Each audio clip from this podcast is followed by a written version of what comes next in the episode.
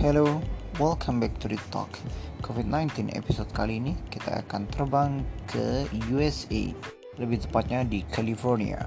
Di sana, gue ditemenin Aiman, orang asli California yang sempat menimba ilmu di Indonesia selama lima tahun. Di podcast ini, Aiman cerita tentang perkembangan COVID-19 dan dampaknya terhadap politik internasional. Ya udah, daripada penasaran, mending aja kita langsung dengar podcast episode kali ini. Stay tuned.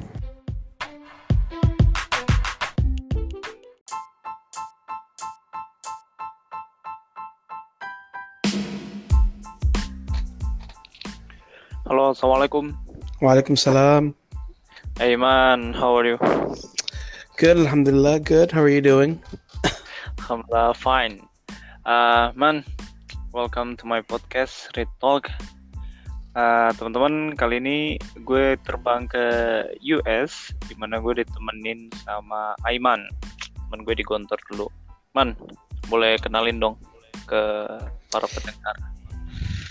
Siap, siap. Terima kasih. Um, thank you for having me on your podcast. Um, perkenalkan diri, nama saya uh, Aiman Sumandi, uh, alumni Gontor 2000.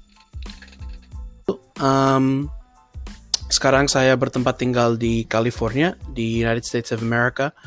Um, saya sedang berkuliah di college namanya Kesemnes River College, mengambil jurusan ilmu politik dan hubungan internasional. Wow, Udah tahun kedua, alhamdulillah. good. Selain itu kesibukannya apa man?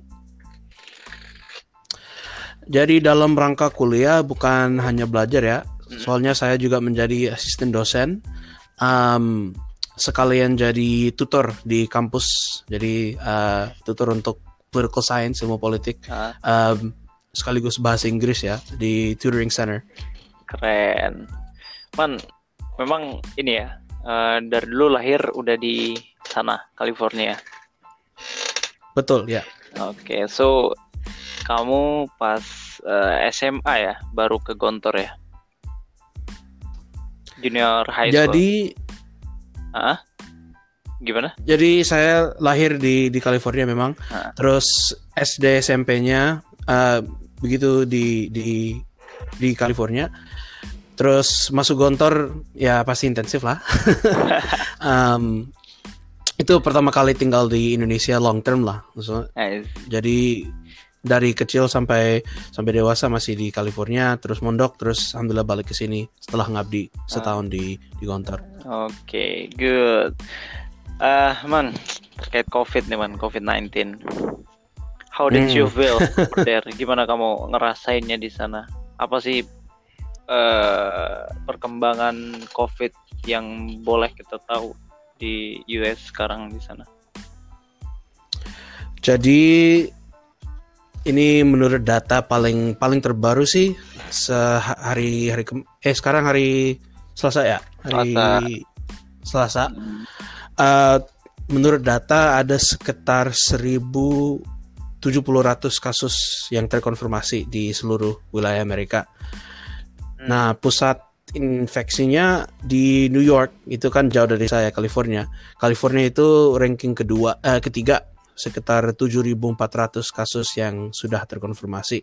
Oke. Ya masalahnya perkiraan kami di sini um, kasusnya jauh lebih banyak. Soalnya testingnya belum belum bisa dengan massal, belum bisa banyak orang langsung dites. Oke, jadi memang prediksinya lebih dari angka yang tadi disebutkan Aiman ya? Karena Iya. keterbatasan Jadi alat menurut-. Aha. Jadi menurut CDC, CDC itu Center for Disease Control yaitu um, pemerintah uh, departemen pemerintah yang bertanggung jawab atas kesehatan.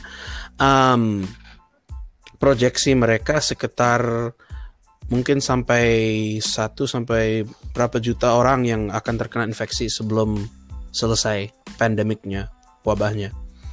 Dan prediksinya eh, puncaknya di mana nih man? Kira-kira bulan apa? Kalau Jadi puncaknya itu nggak eh, rata.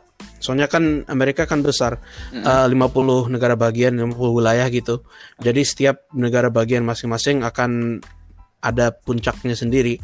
Um, contohnya New York sekarang puncaknya prediksi ya dalam tiga minggu, Mm. sedangkan California prediksinya modelnya um, empat atau lima minggu lagi akan mencapai puncak uh, wabahnya. Jadi nggak nggak ada satu uh, titik waktu yang yang sama untuk seluruh wilayah Amerika, tapi daerah-daerah sendiri akan ada puncaknya sendiri. Oke, sih. So masing-masing negara bagian punya kebijakannya sendiri. Betul, dan itu sebenarnya menjadi masalah. Soalnya um, krisis sebesar ini mestinya yang menanganin adalah pemerintah nasional gitu kan, Mm-mm. pemerintah besar. Um, tapi malah yang terjadi, yang mengambil inisiatif adalah gubernur-gubernur di wilayah masing-masing, dan setiap gubernur memiliki cara sendiri untuk menangani masalah ini.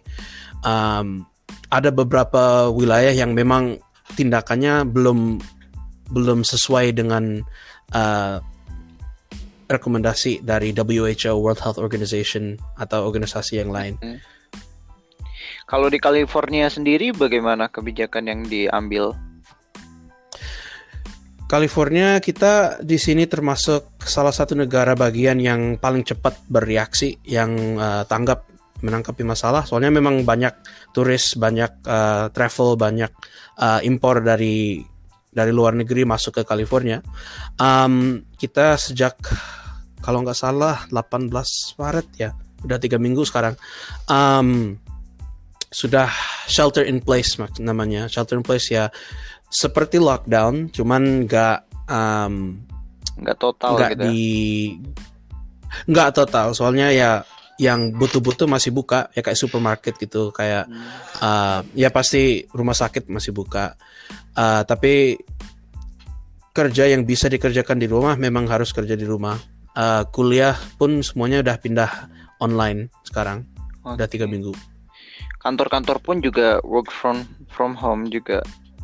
iya se- sebisanya. Jadi kalau bisnis itu memang butuh banget untuk ada orang di kantor ya ada. Kalau enggak harus di rumah Oke. Terus yang eh, bagaimana kebijakan pemerintah untuk menangani yang eh, kelas menengah ke bawah, man? maksudnya kelas financial Ah, gitu Iya, financialnya dari segi finansial. Jadi kemarin eh, minggu kemarin di um, DPR MPR-nya Amerika Congress um, mereka um, eh they, they pass legislation saya tuh nggak tahu sih bahasa Indonesia sebenarnya um,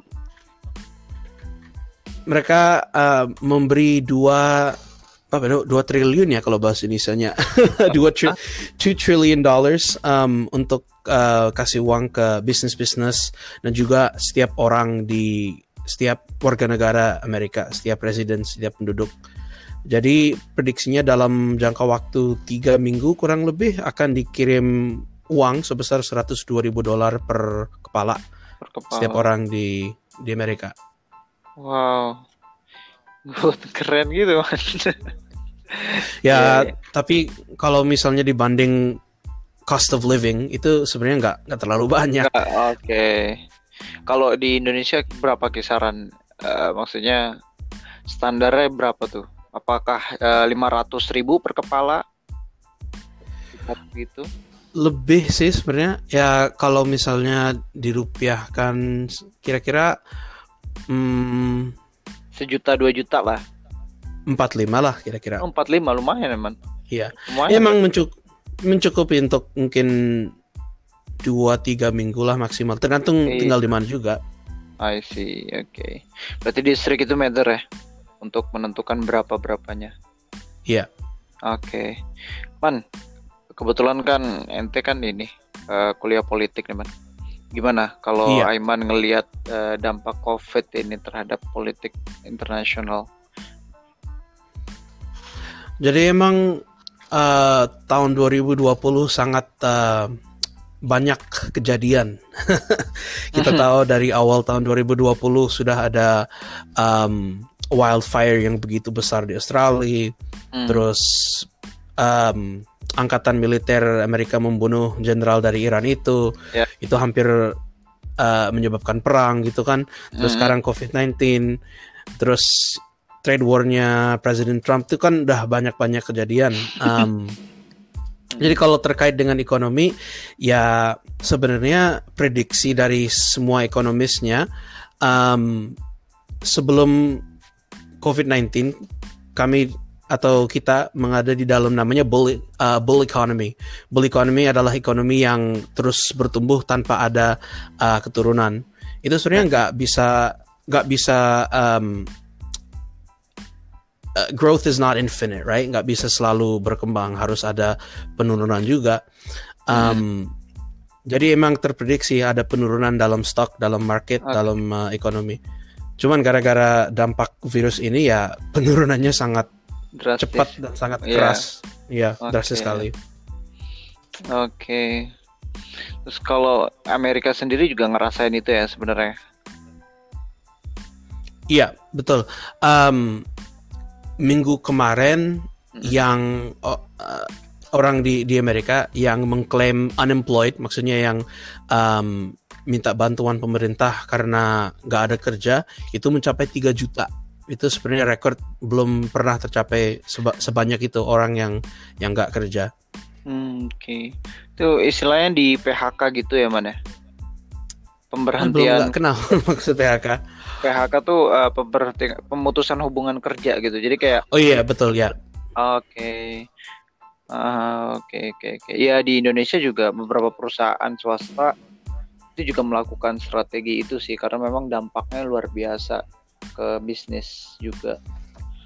Oh. Ya, memang memang em, dan itu pun jadi masalah buat pemerintah, soalnya harus menimbang antara kesehatan publik, public health, dan kesehatan ekonomi.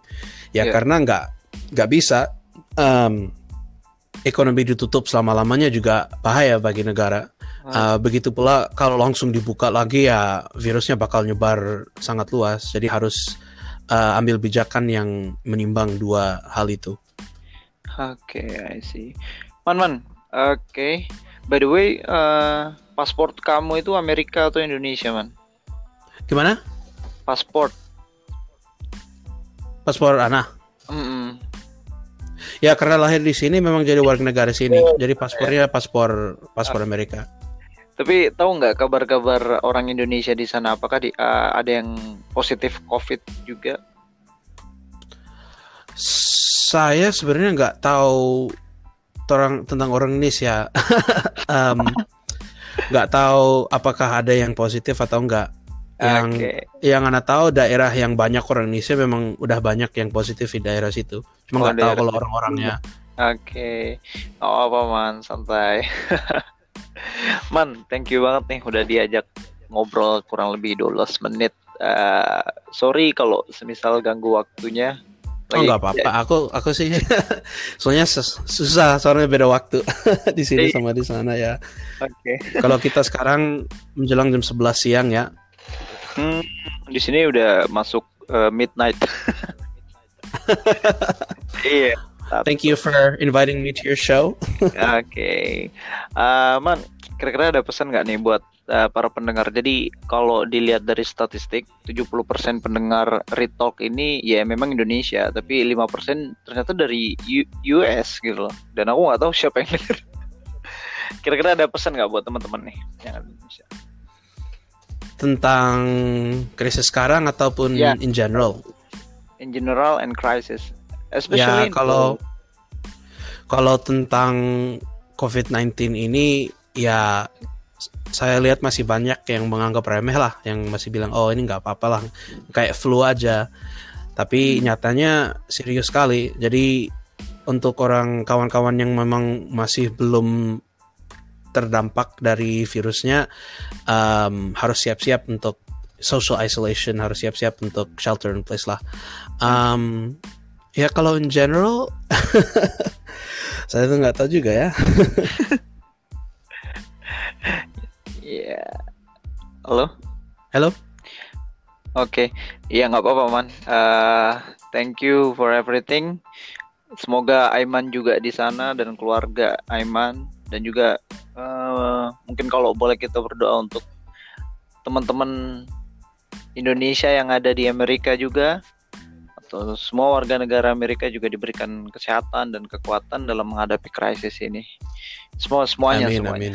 Amin amin. Sekali lagi thank you man. Kayaknya kita terakhir uh, project bareng tuh waktu ini ya.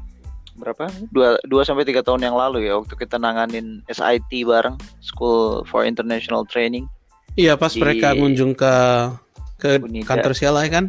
Ya betul CLI ke Unida Gontor dan lain sebagainya oke sekali lagi thank you man Thank you very much for Teman-teman. having me.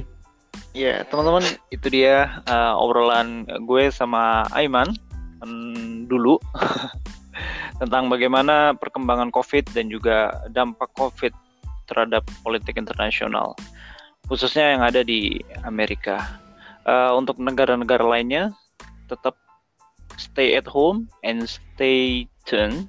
Assalamualaikum warahmatullahi wabarakatuh. Waalaikumsalam warahmatullahi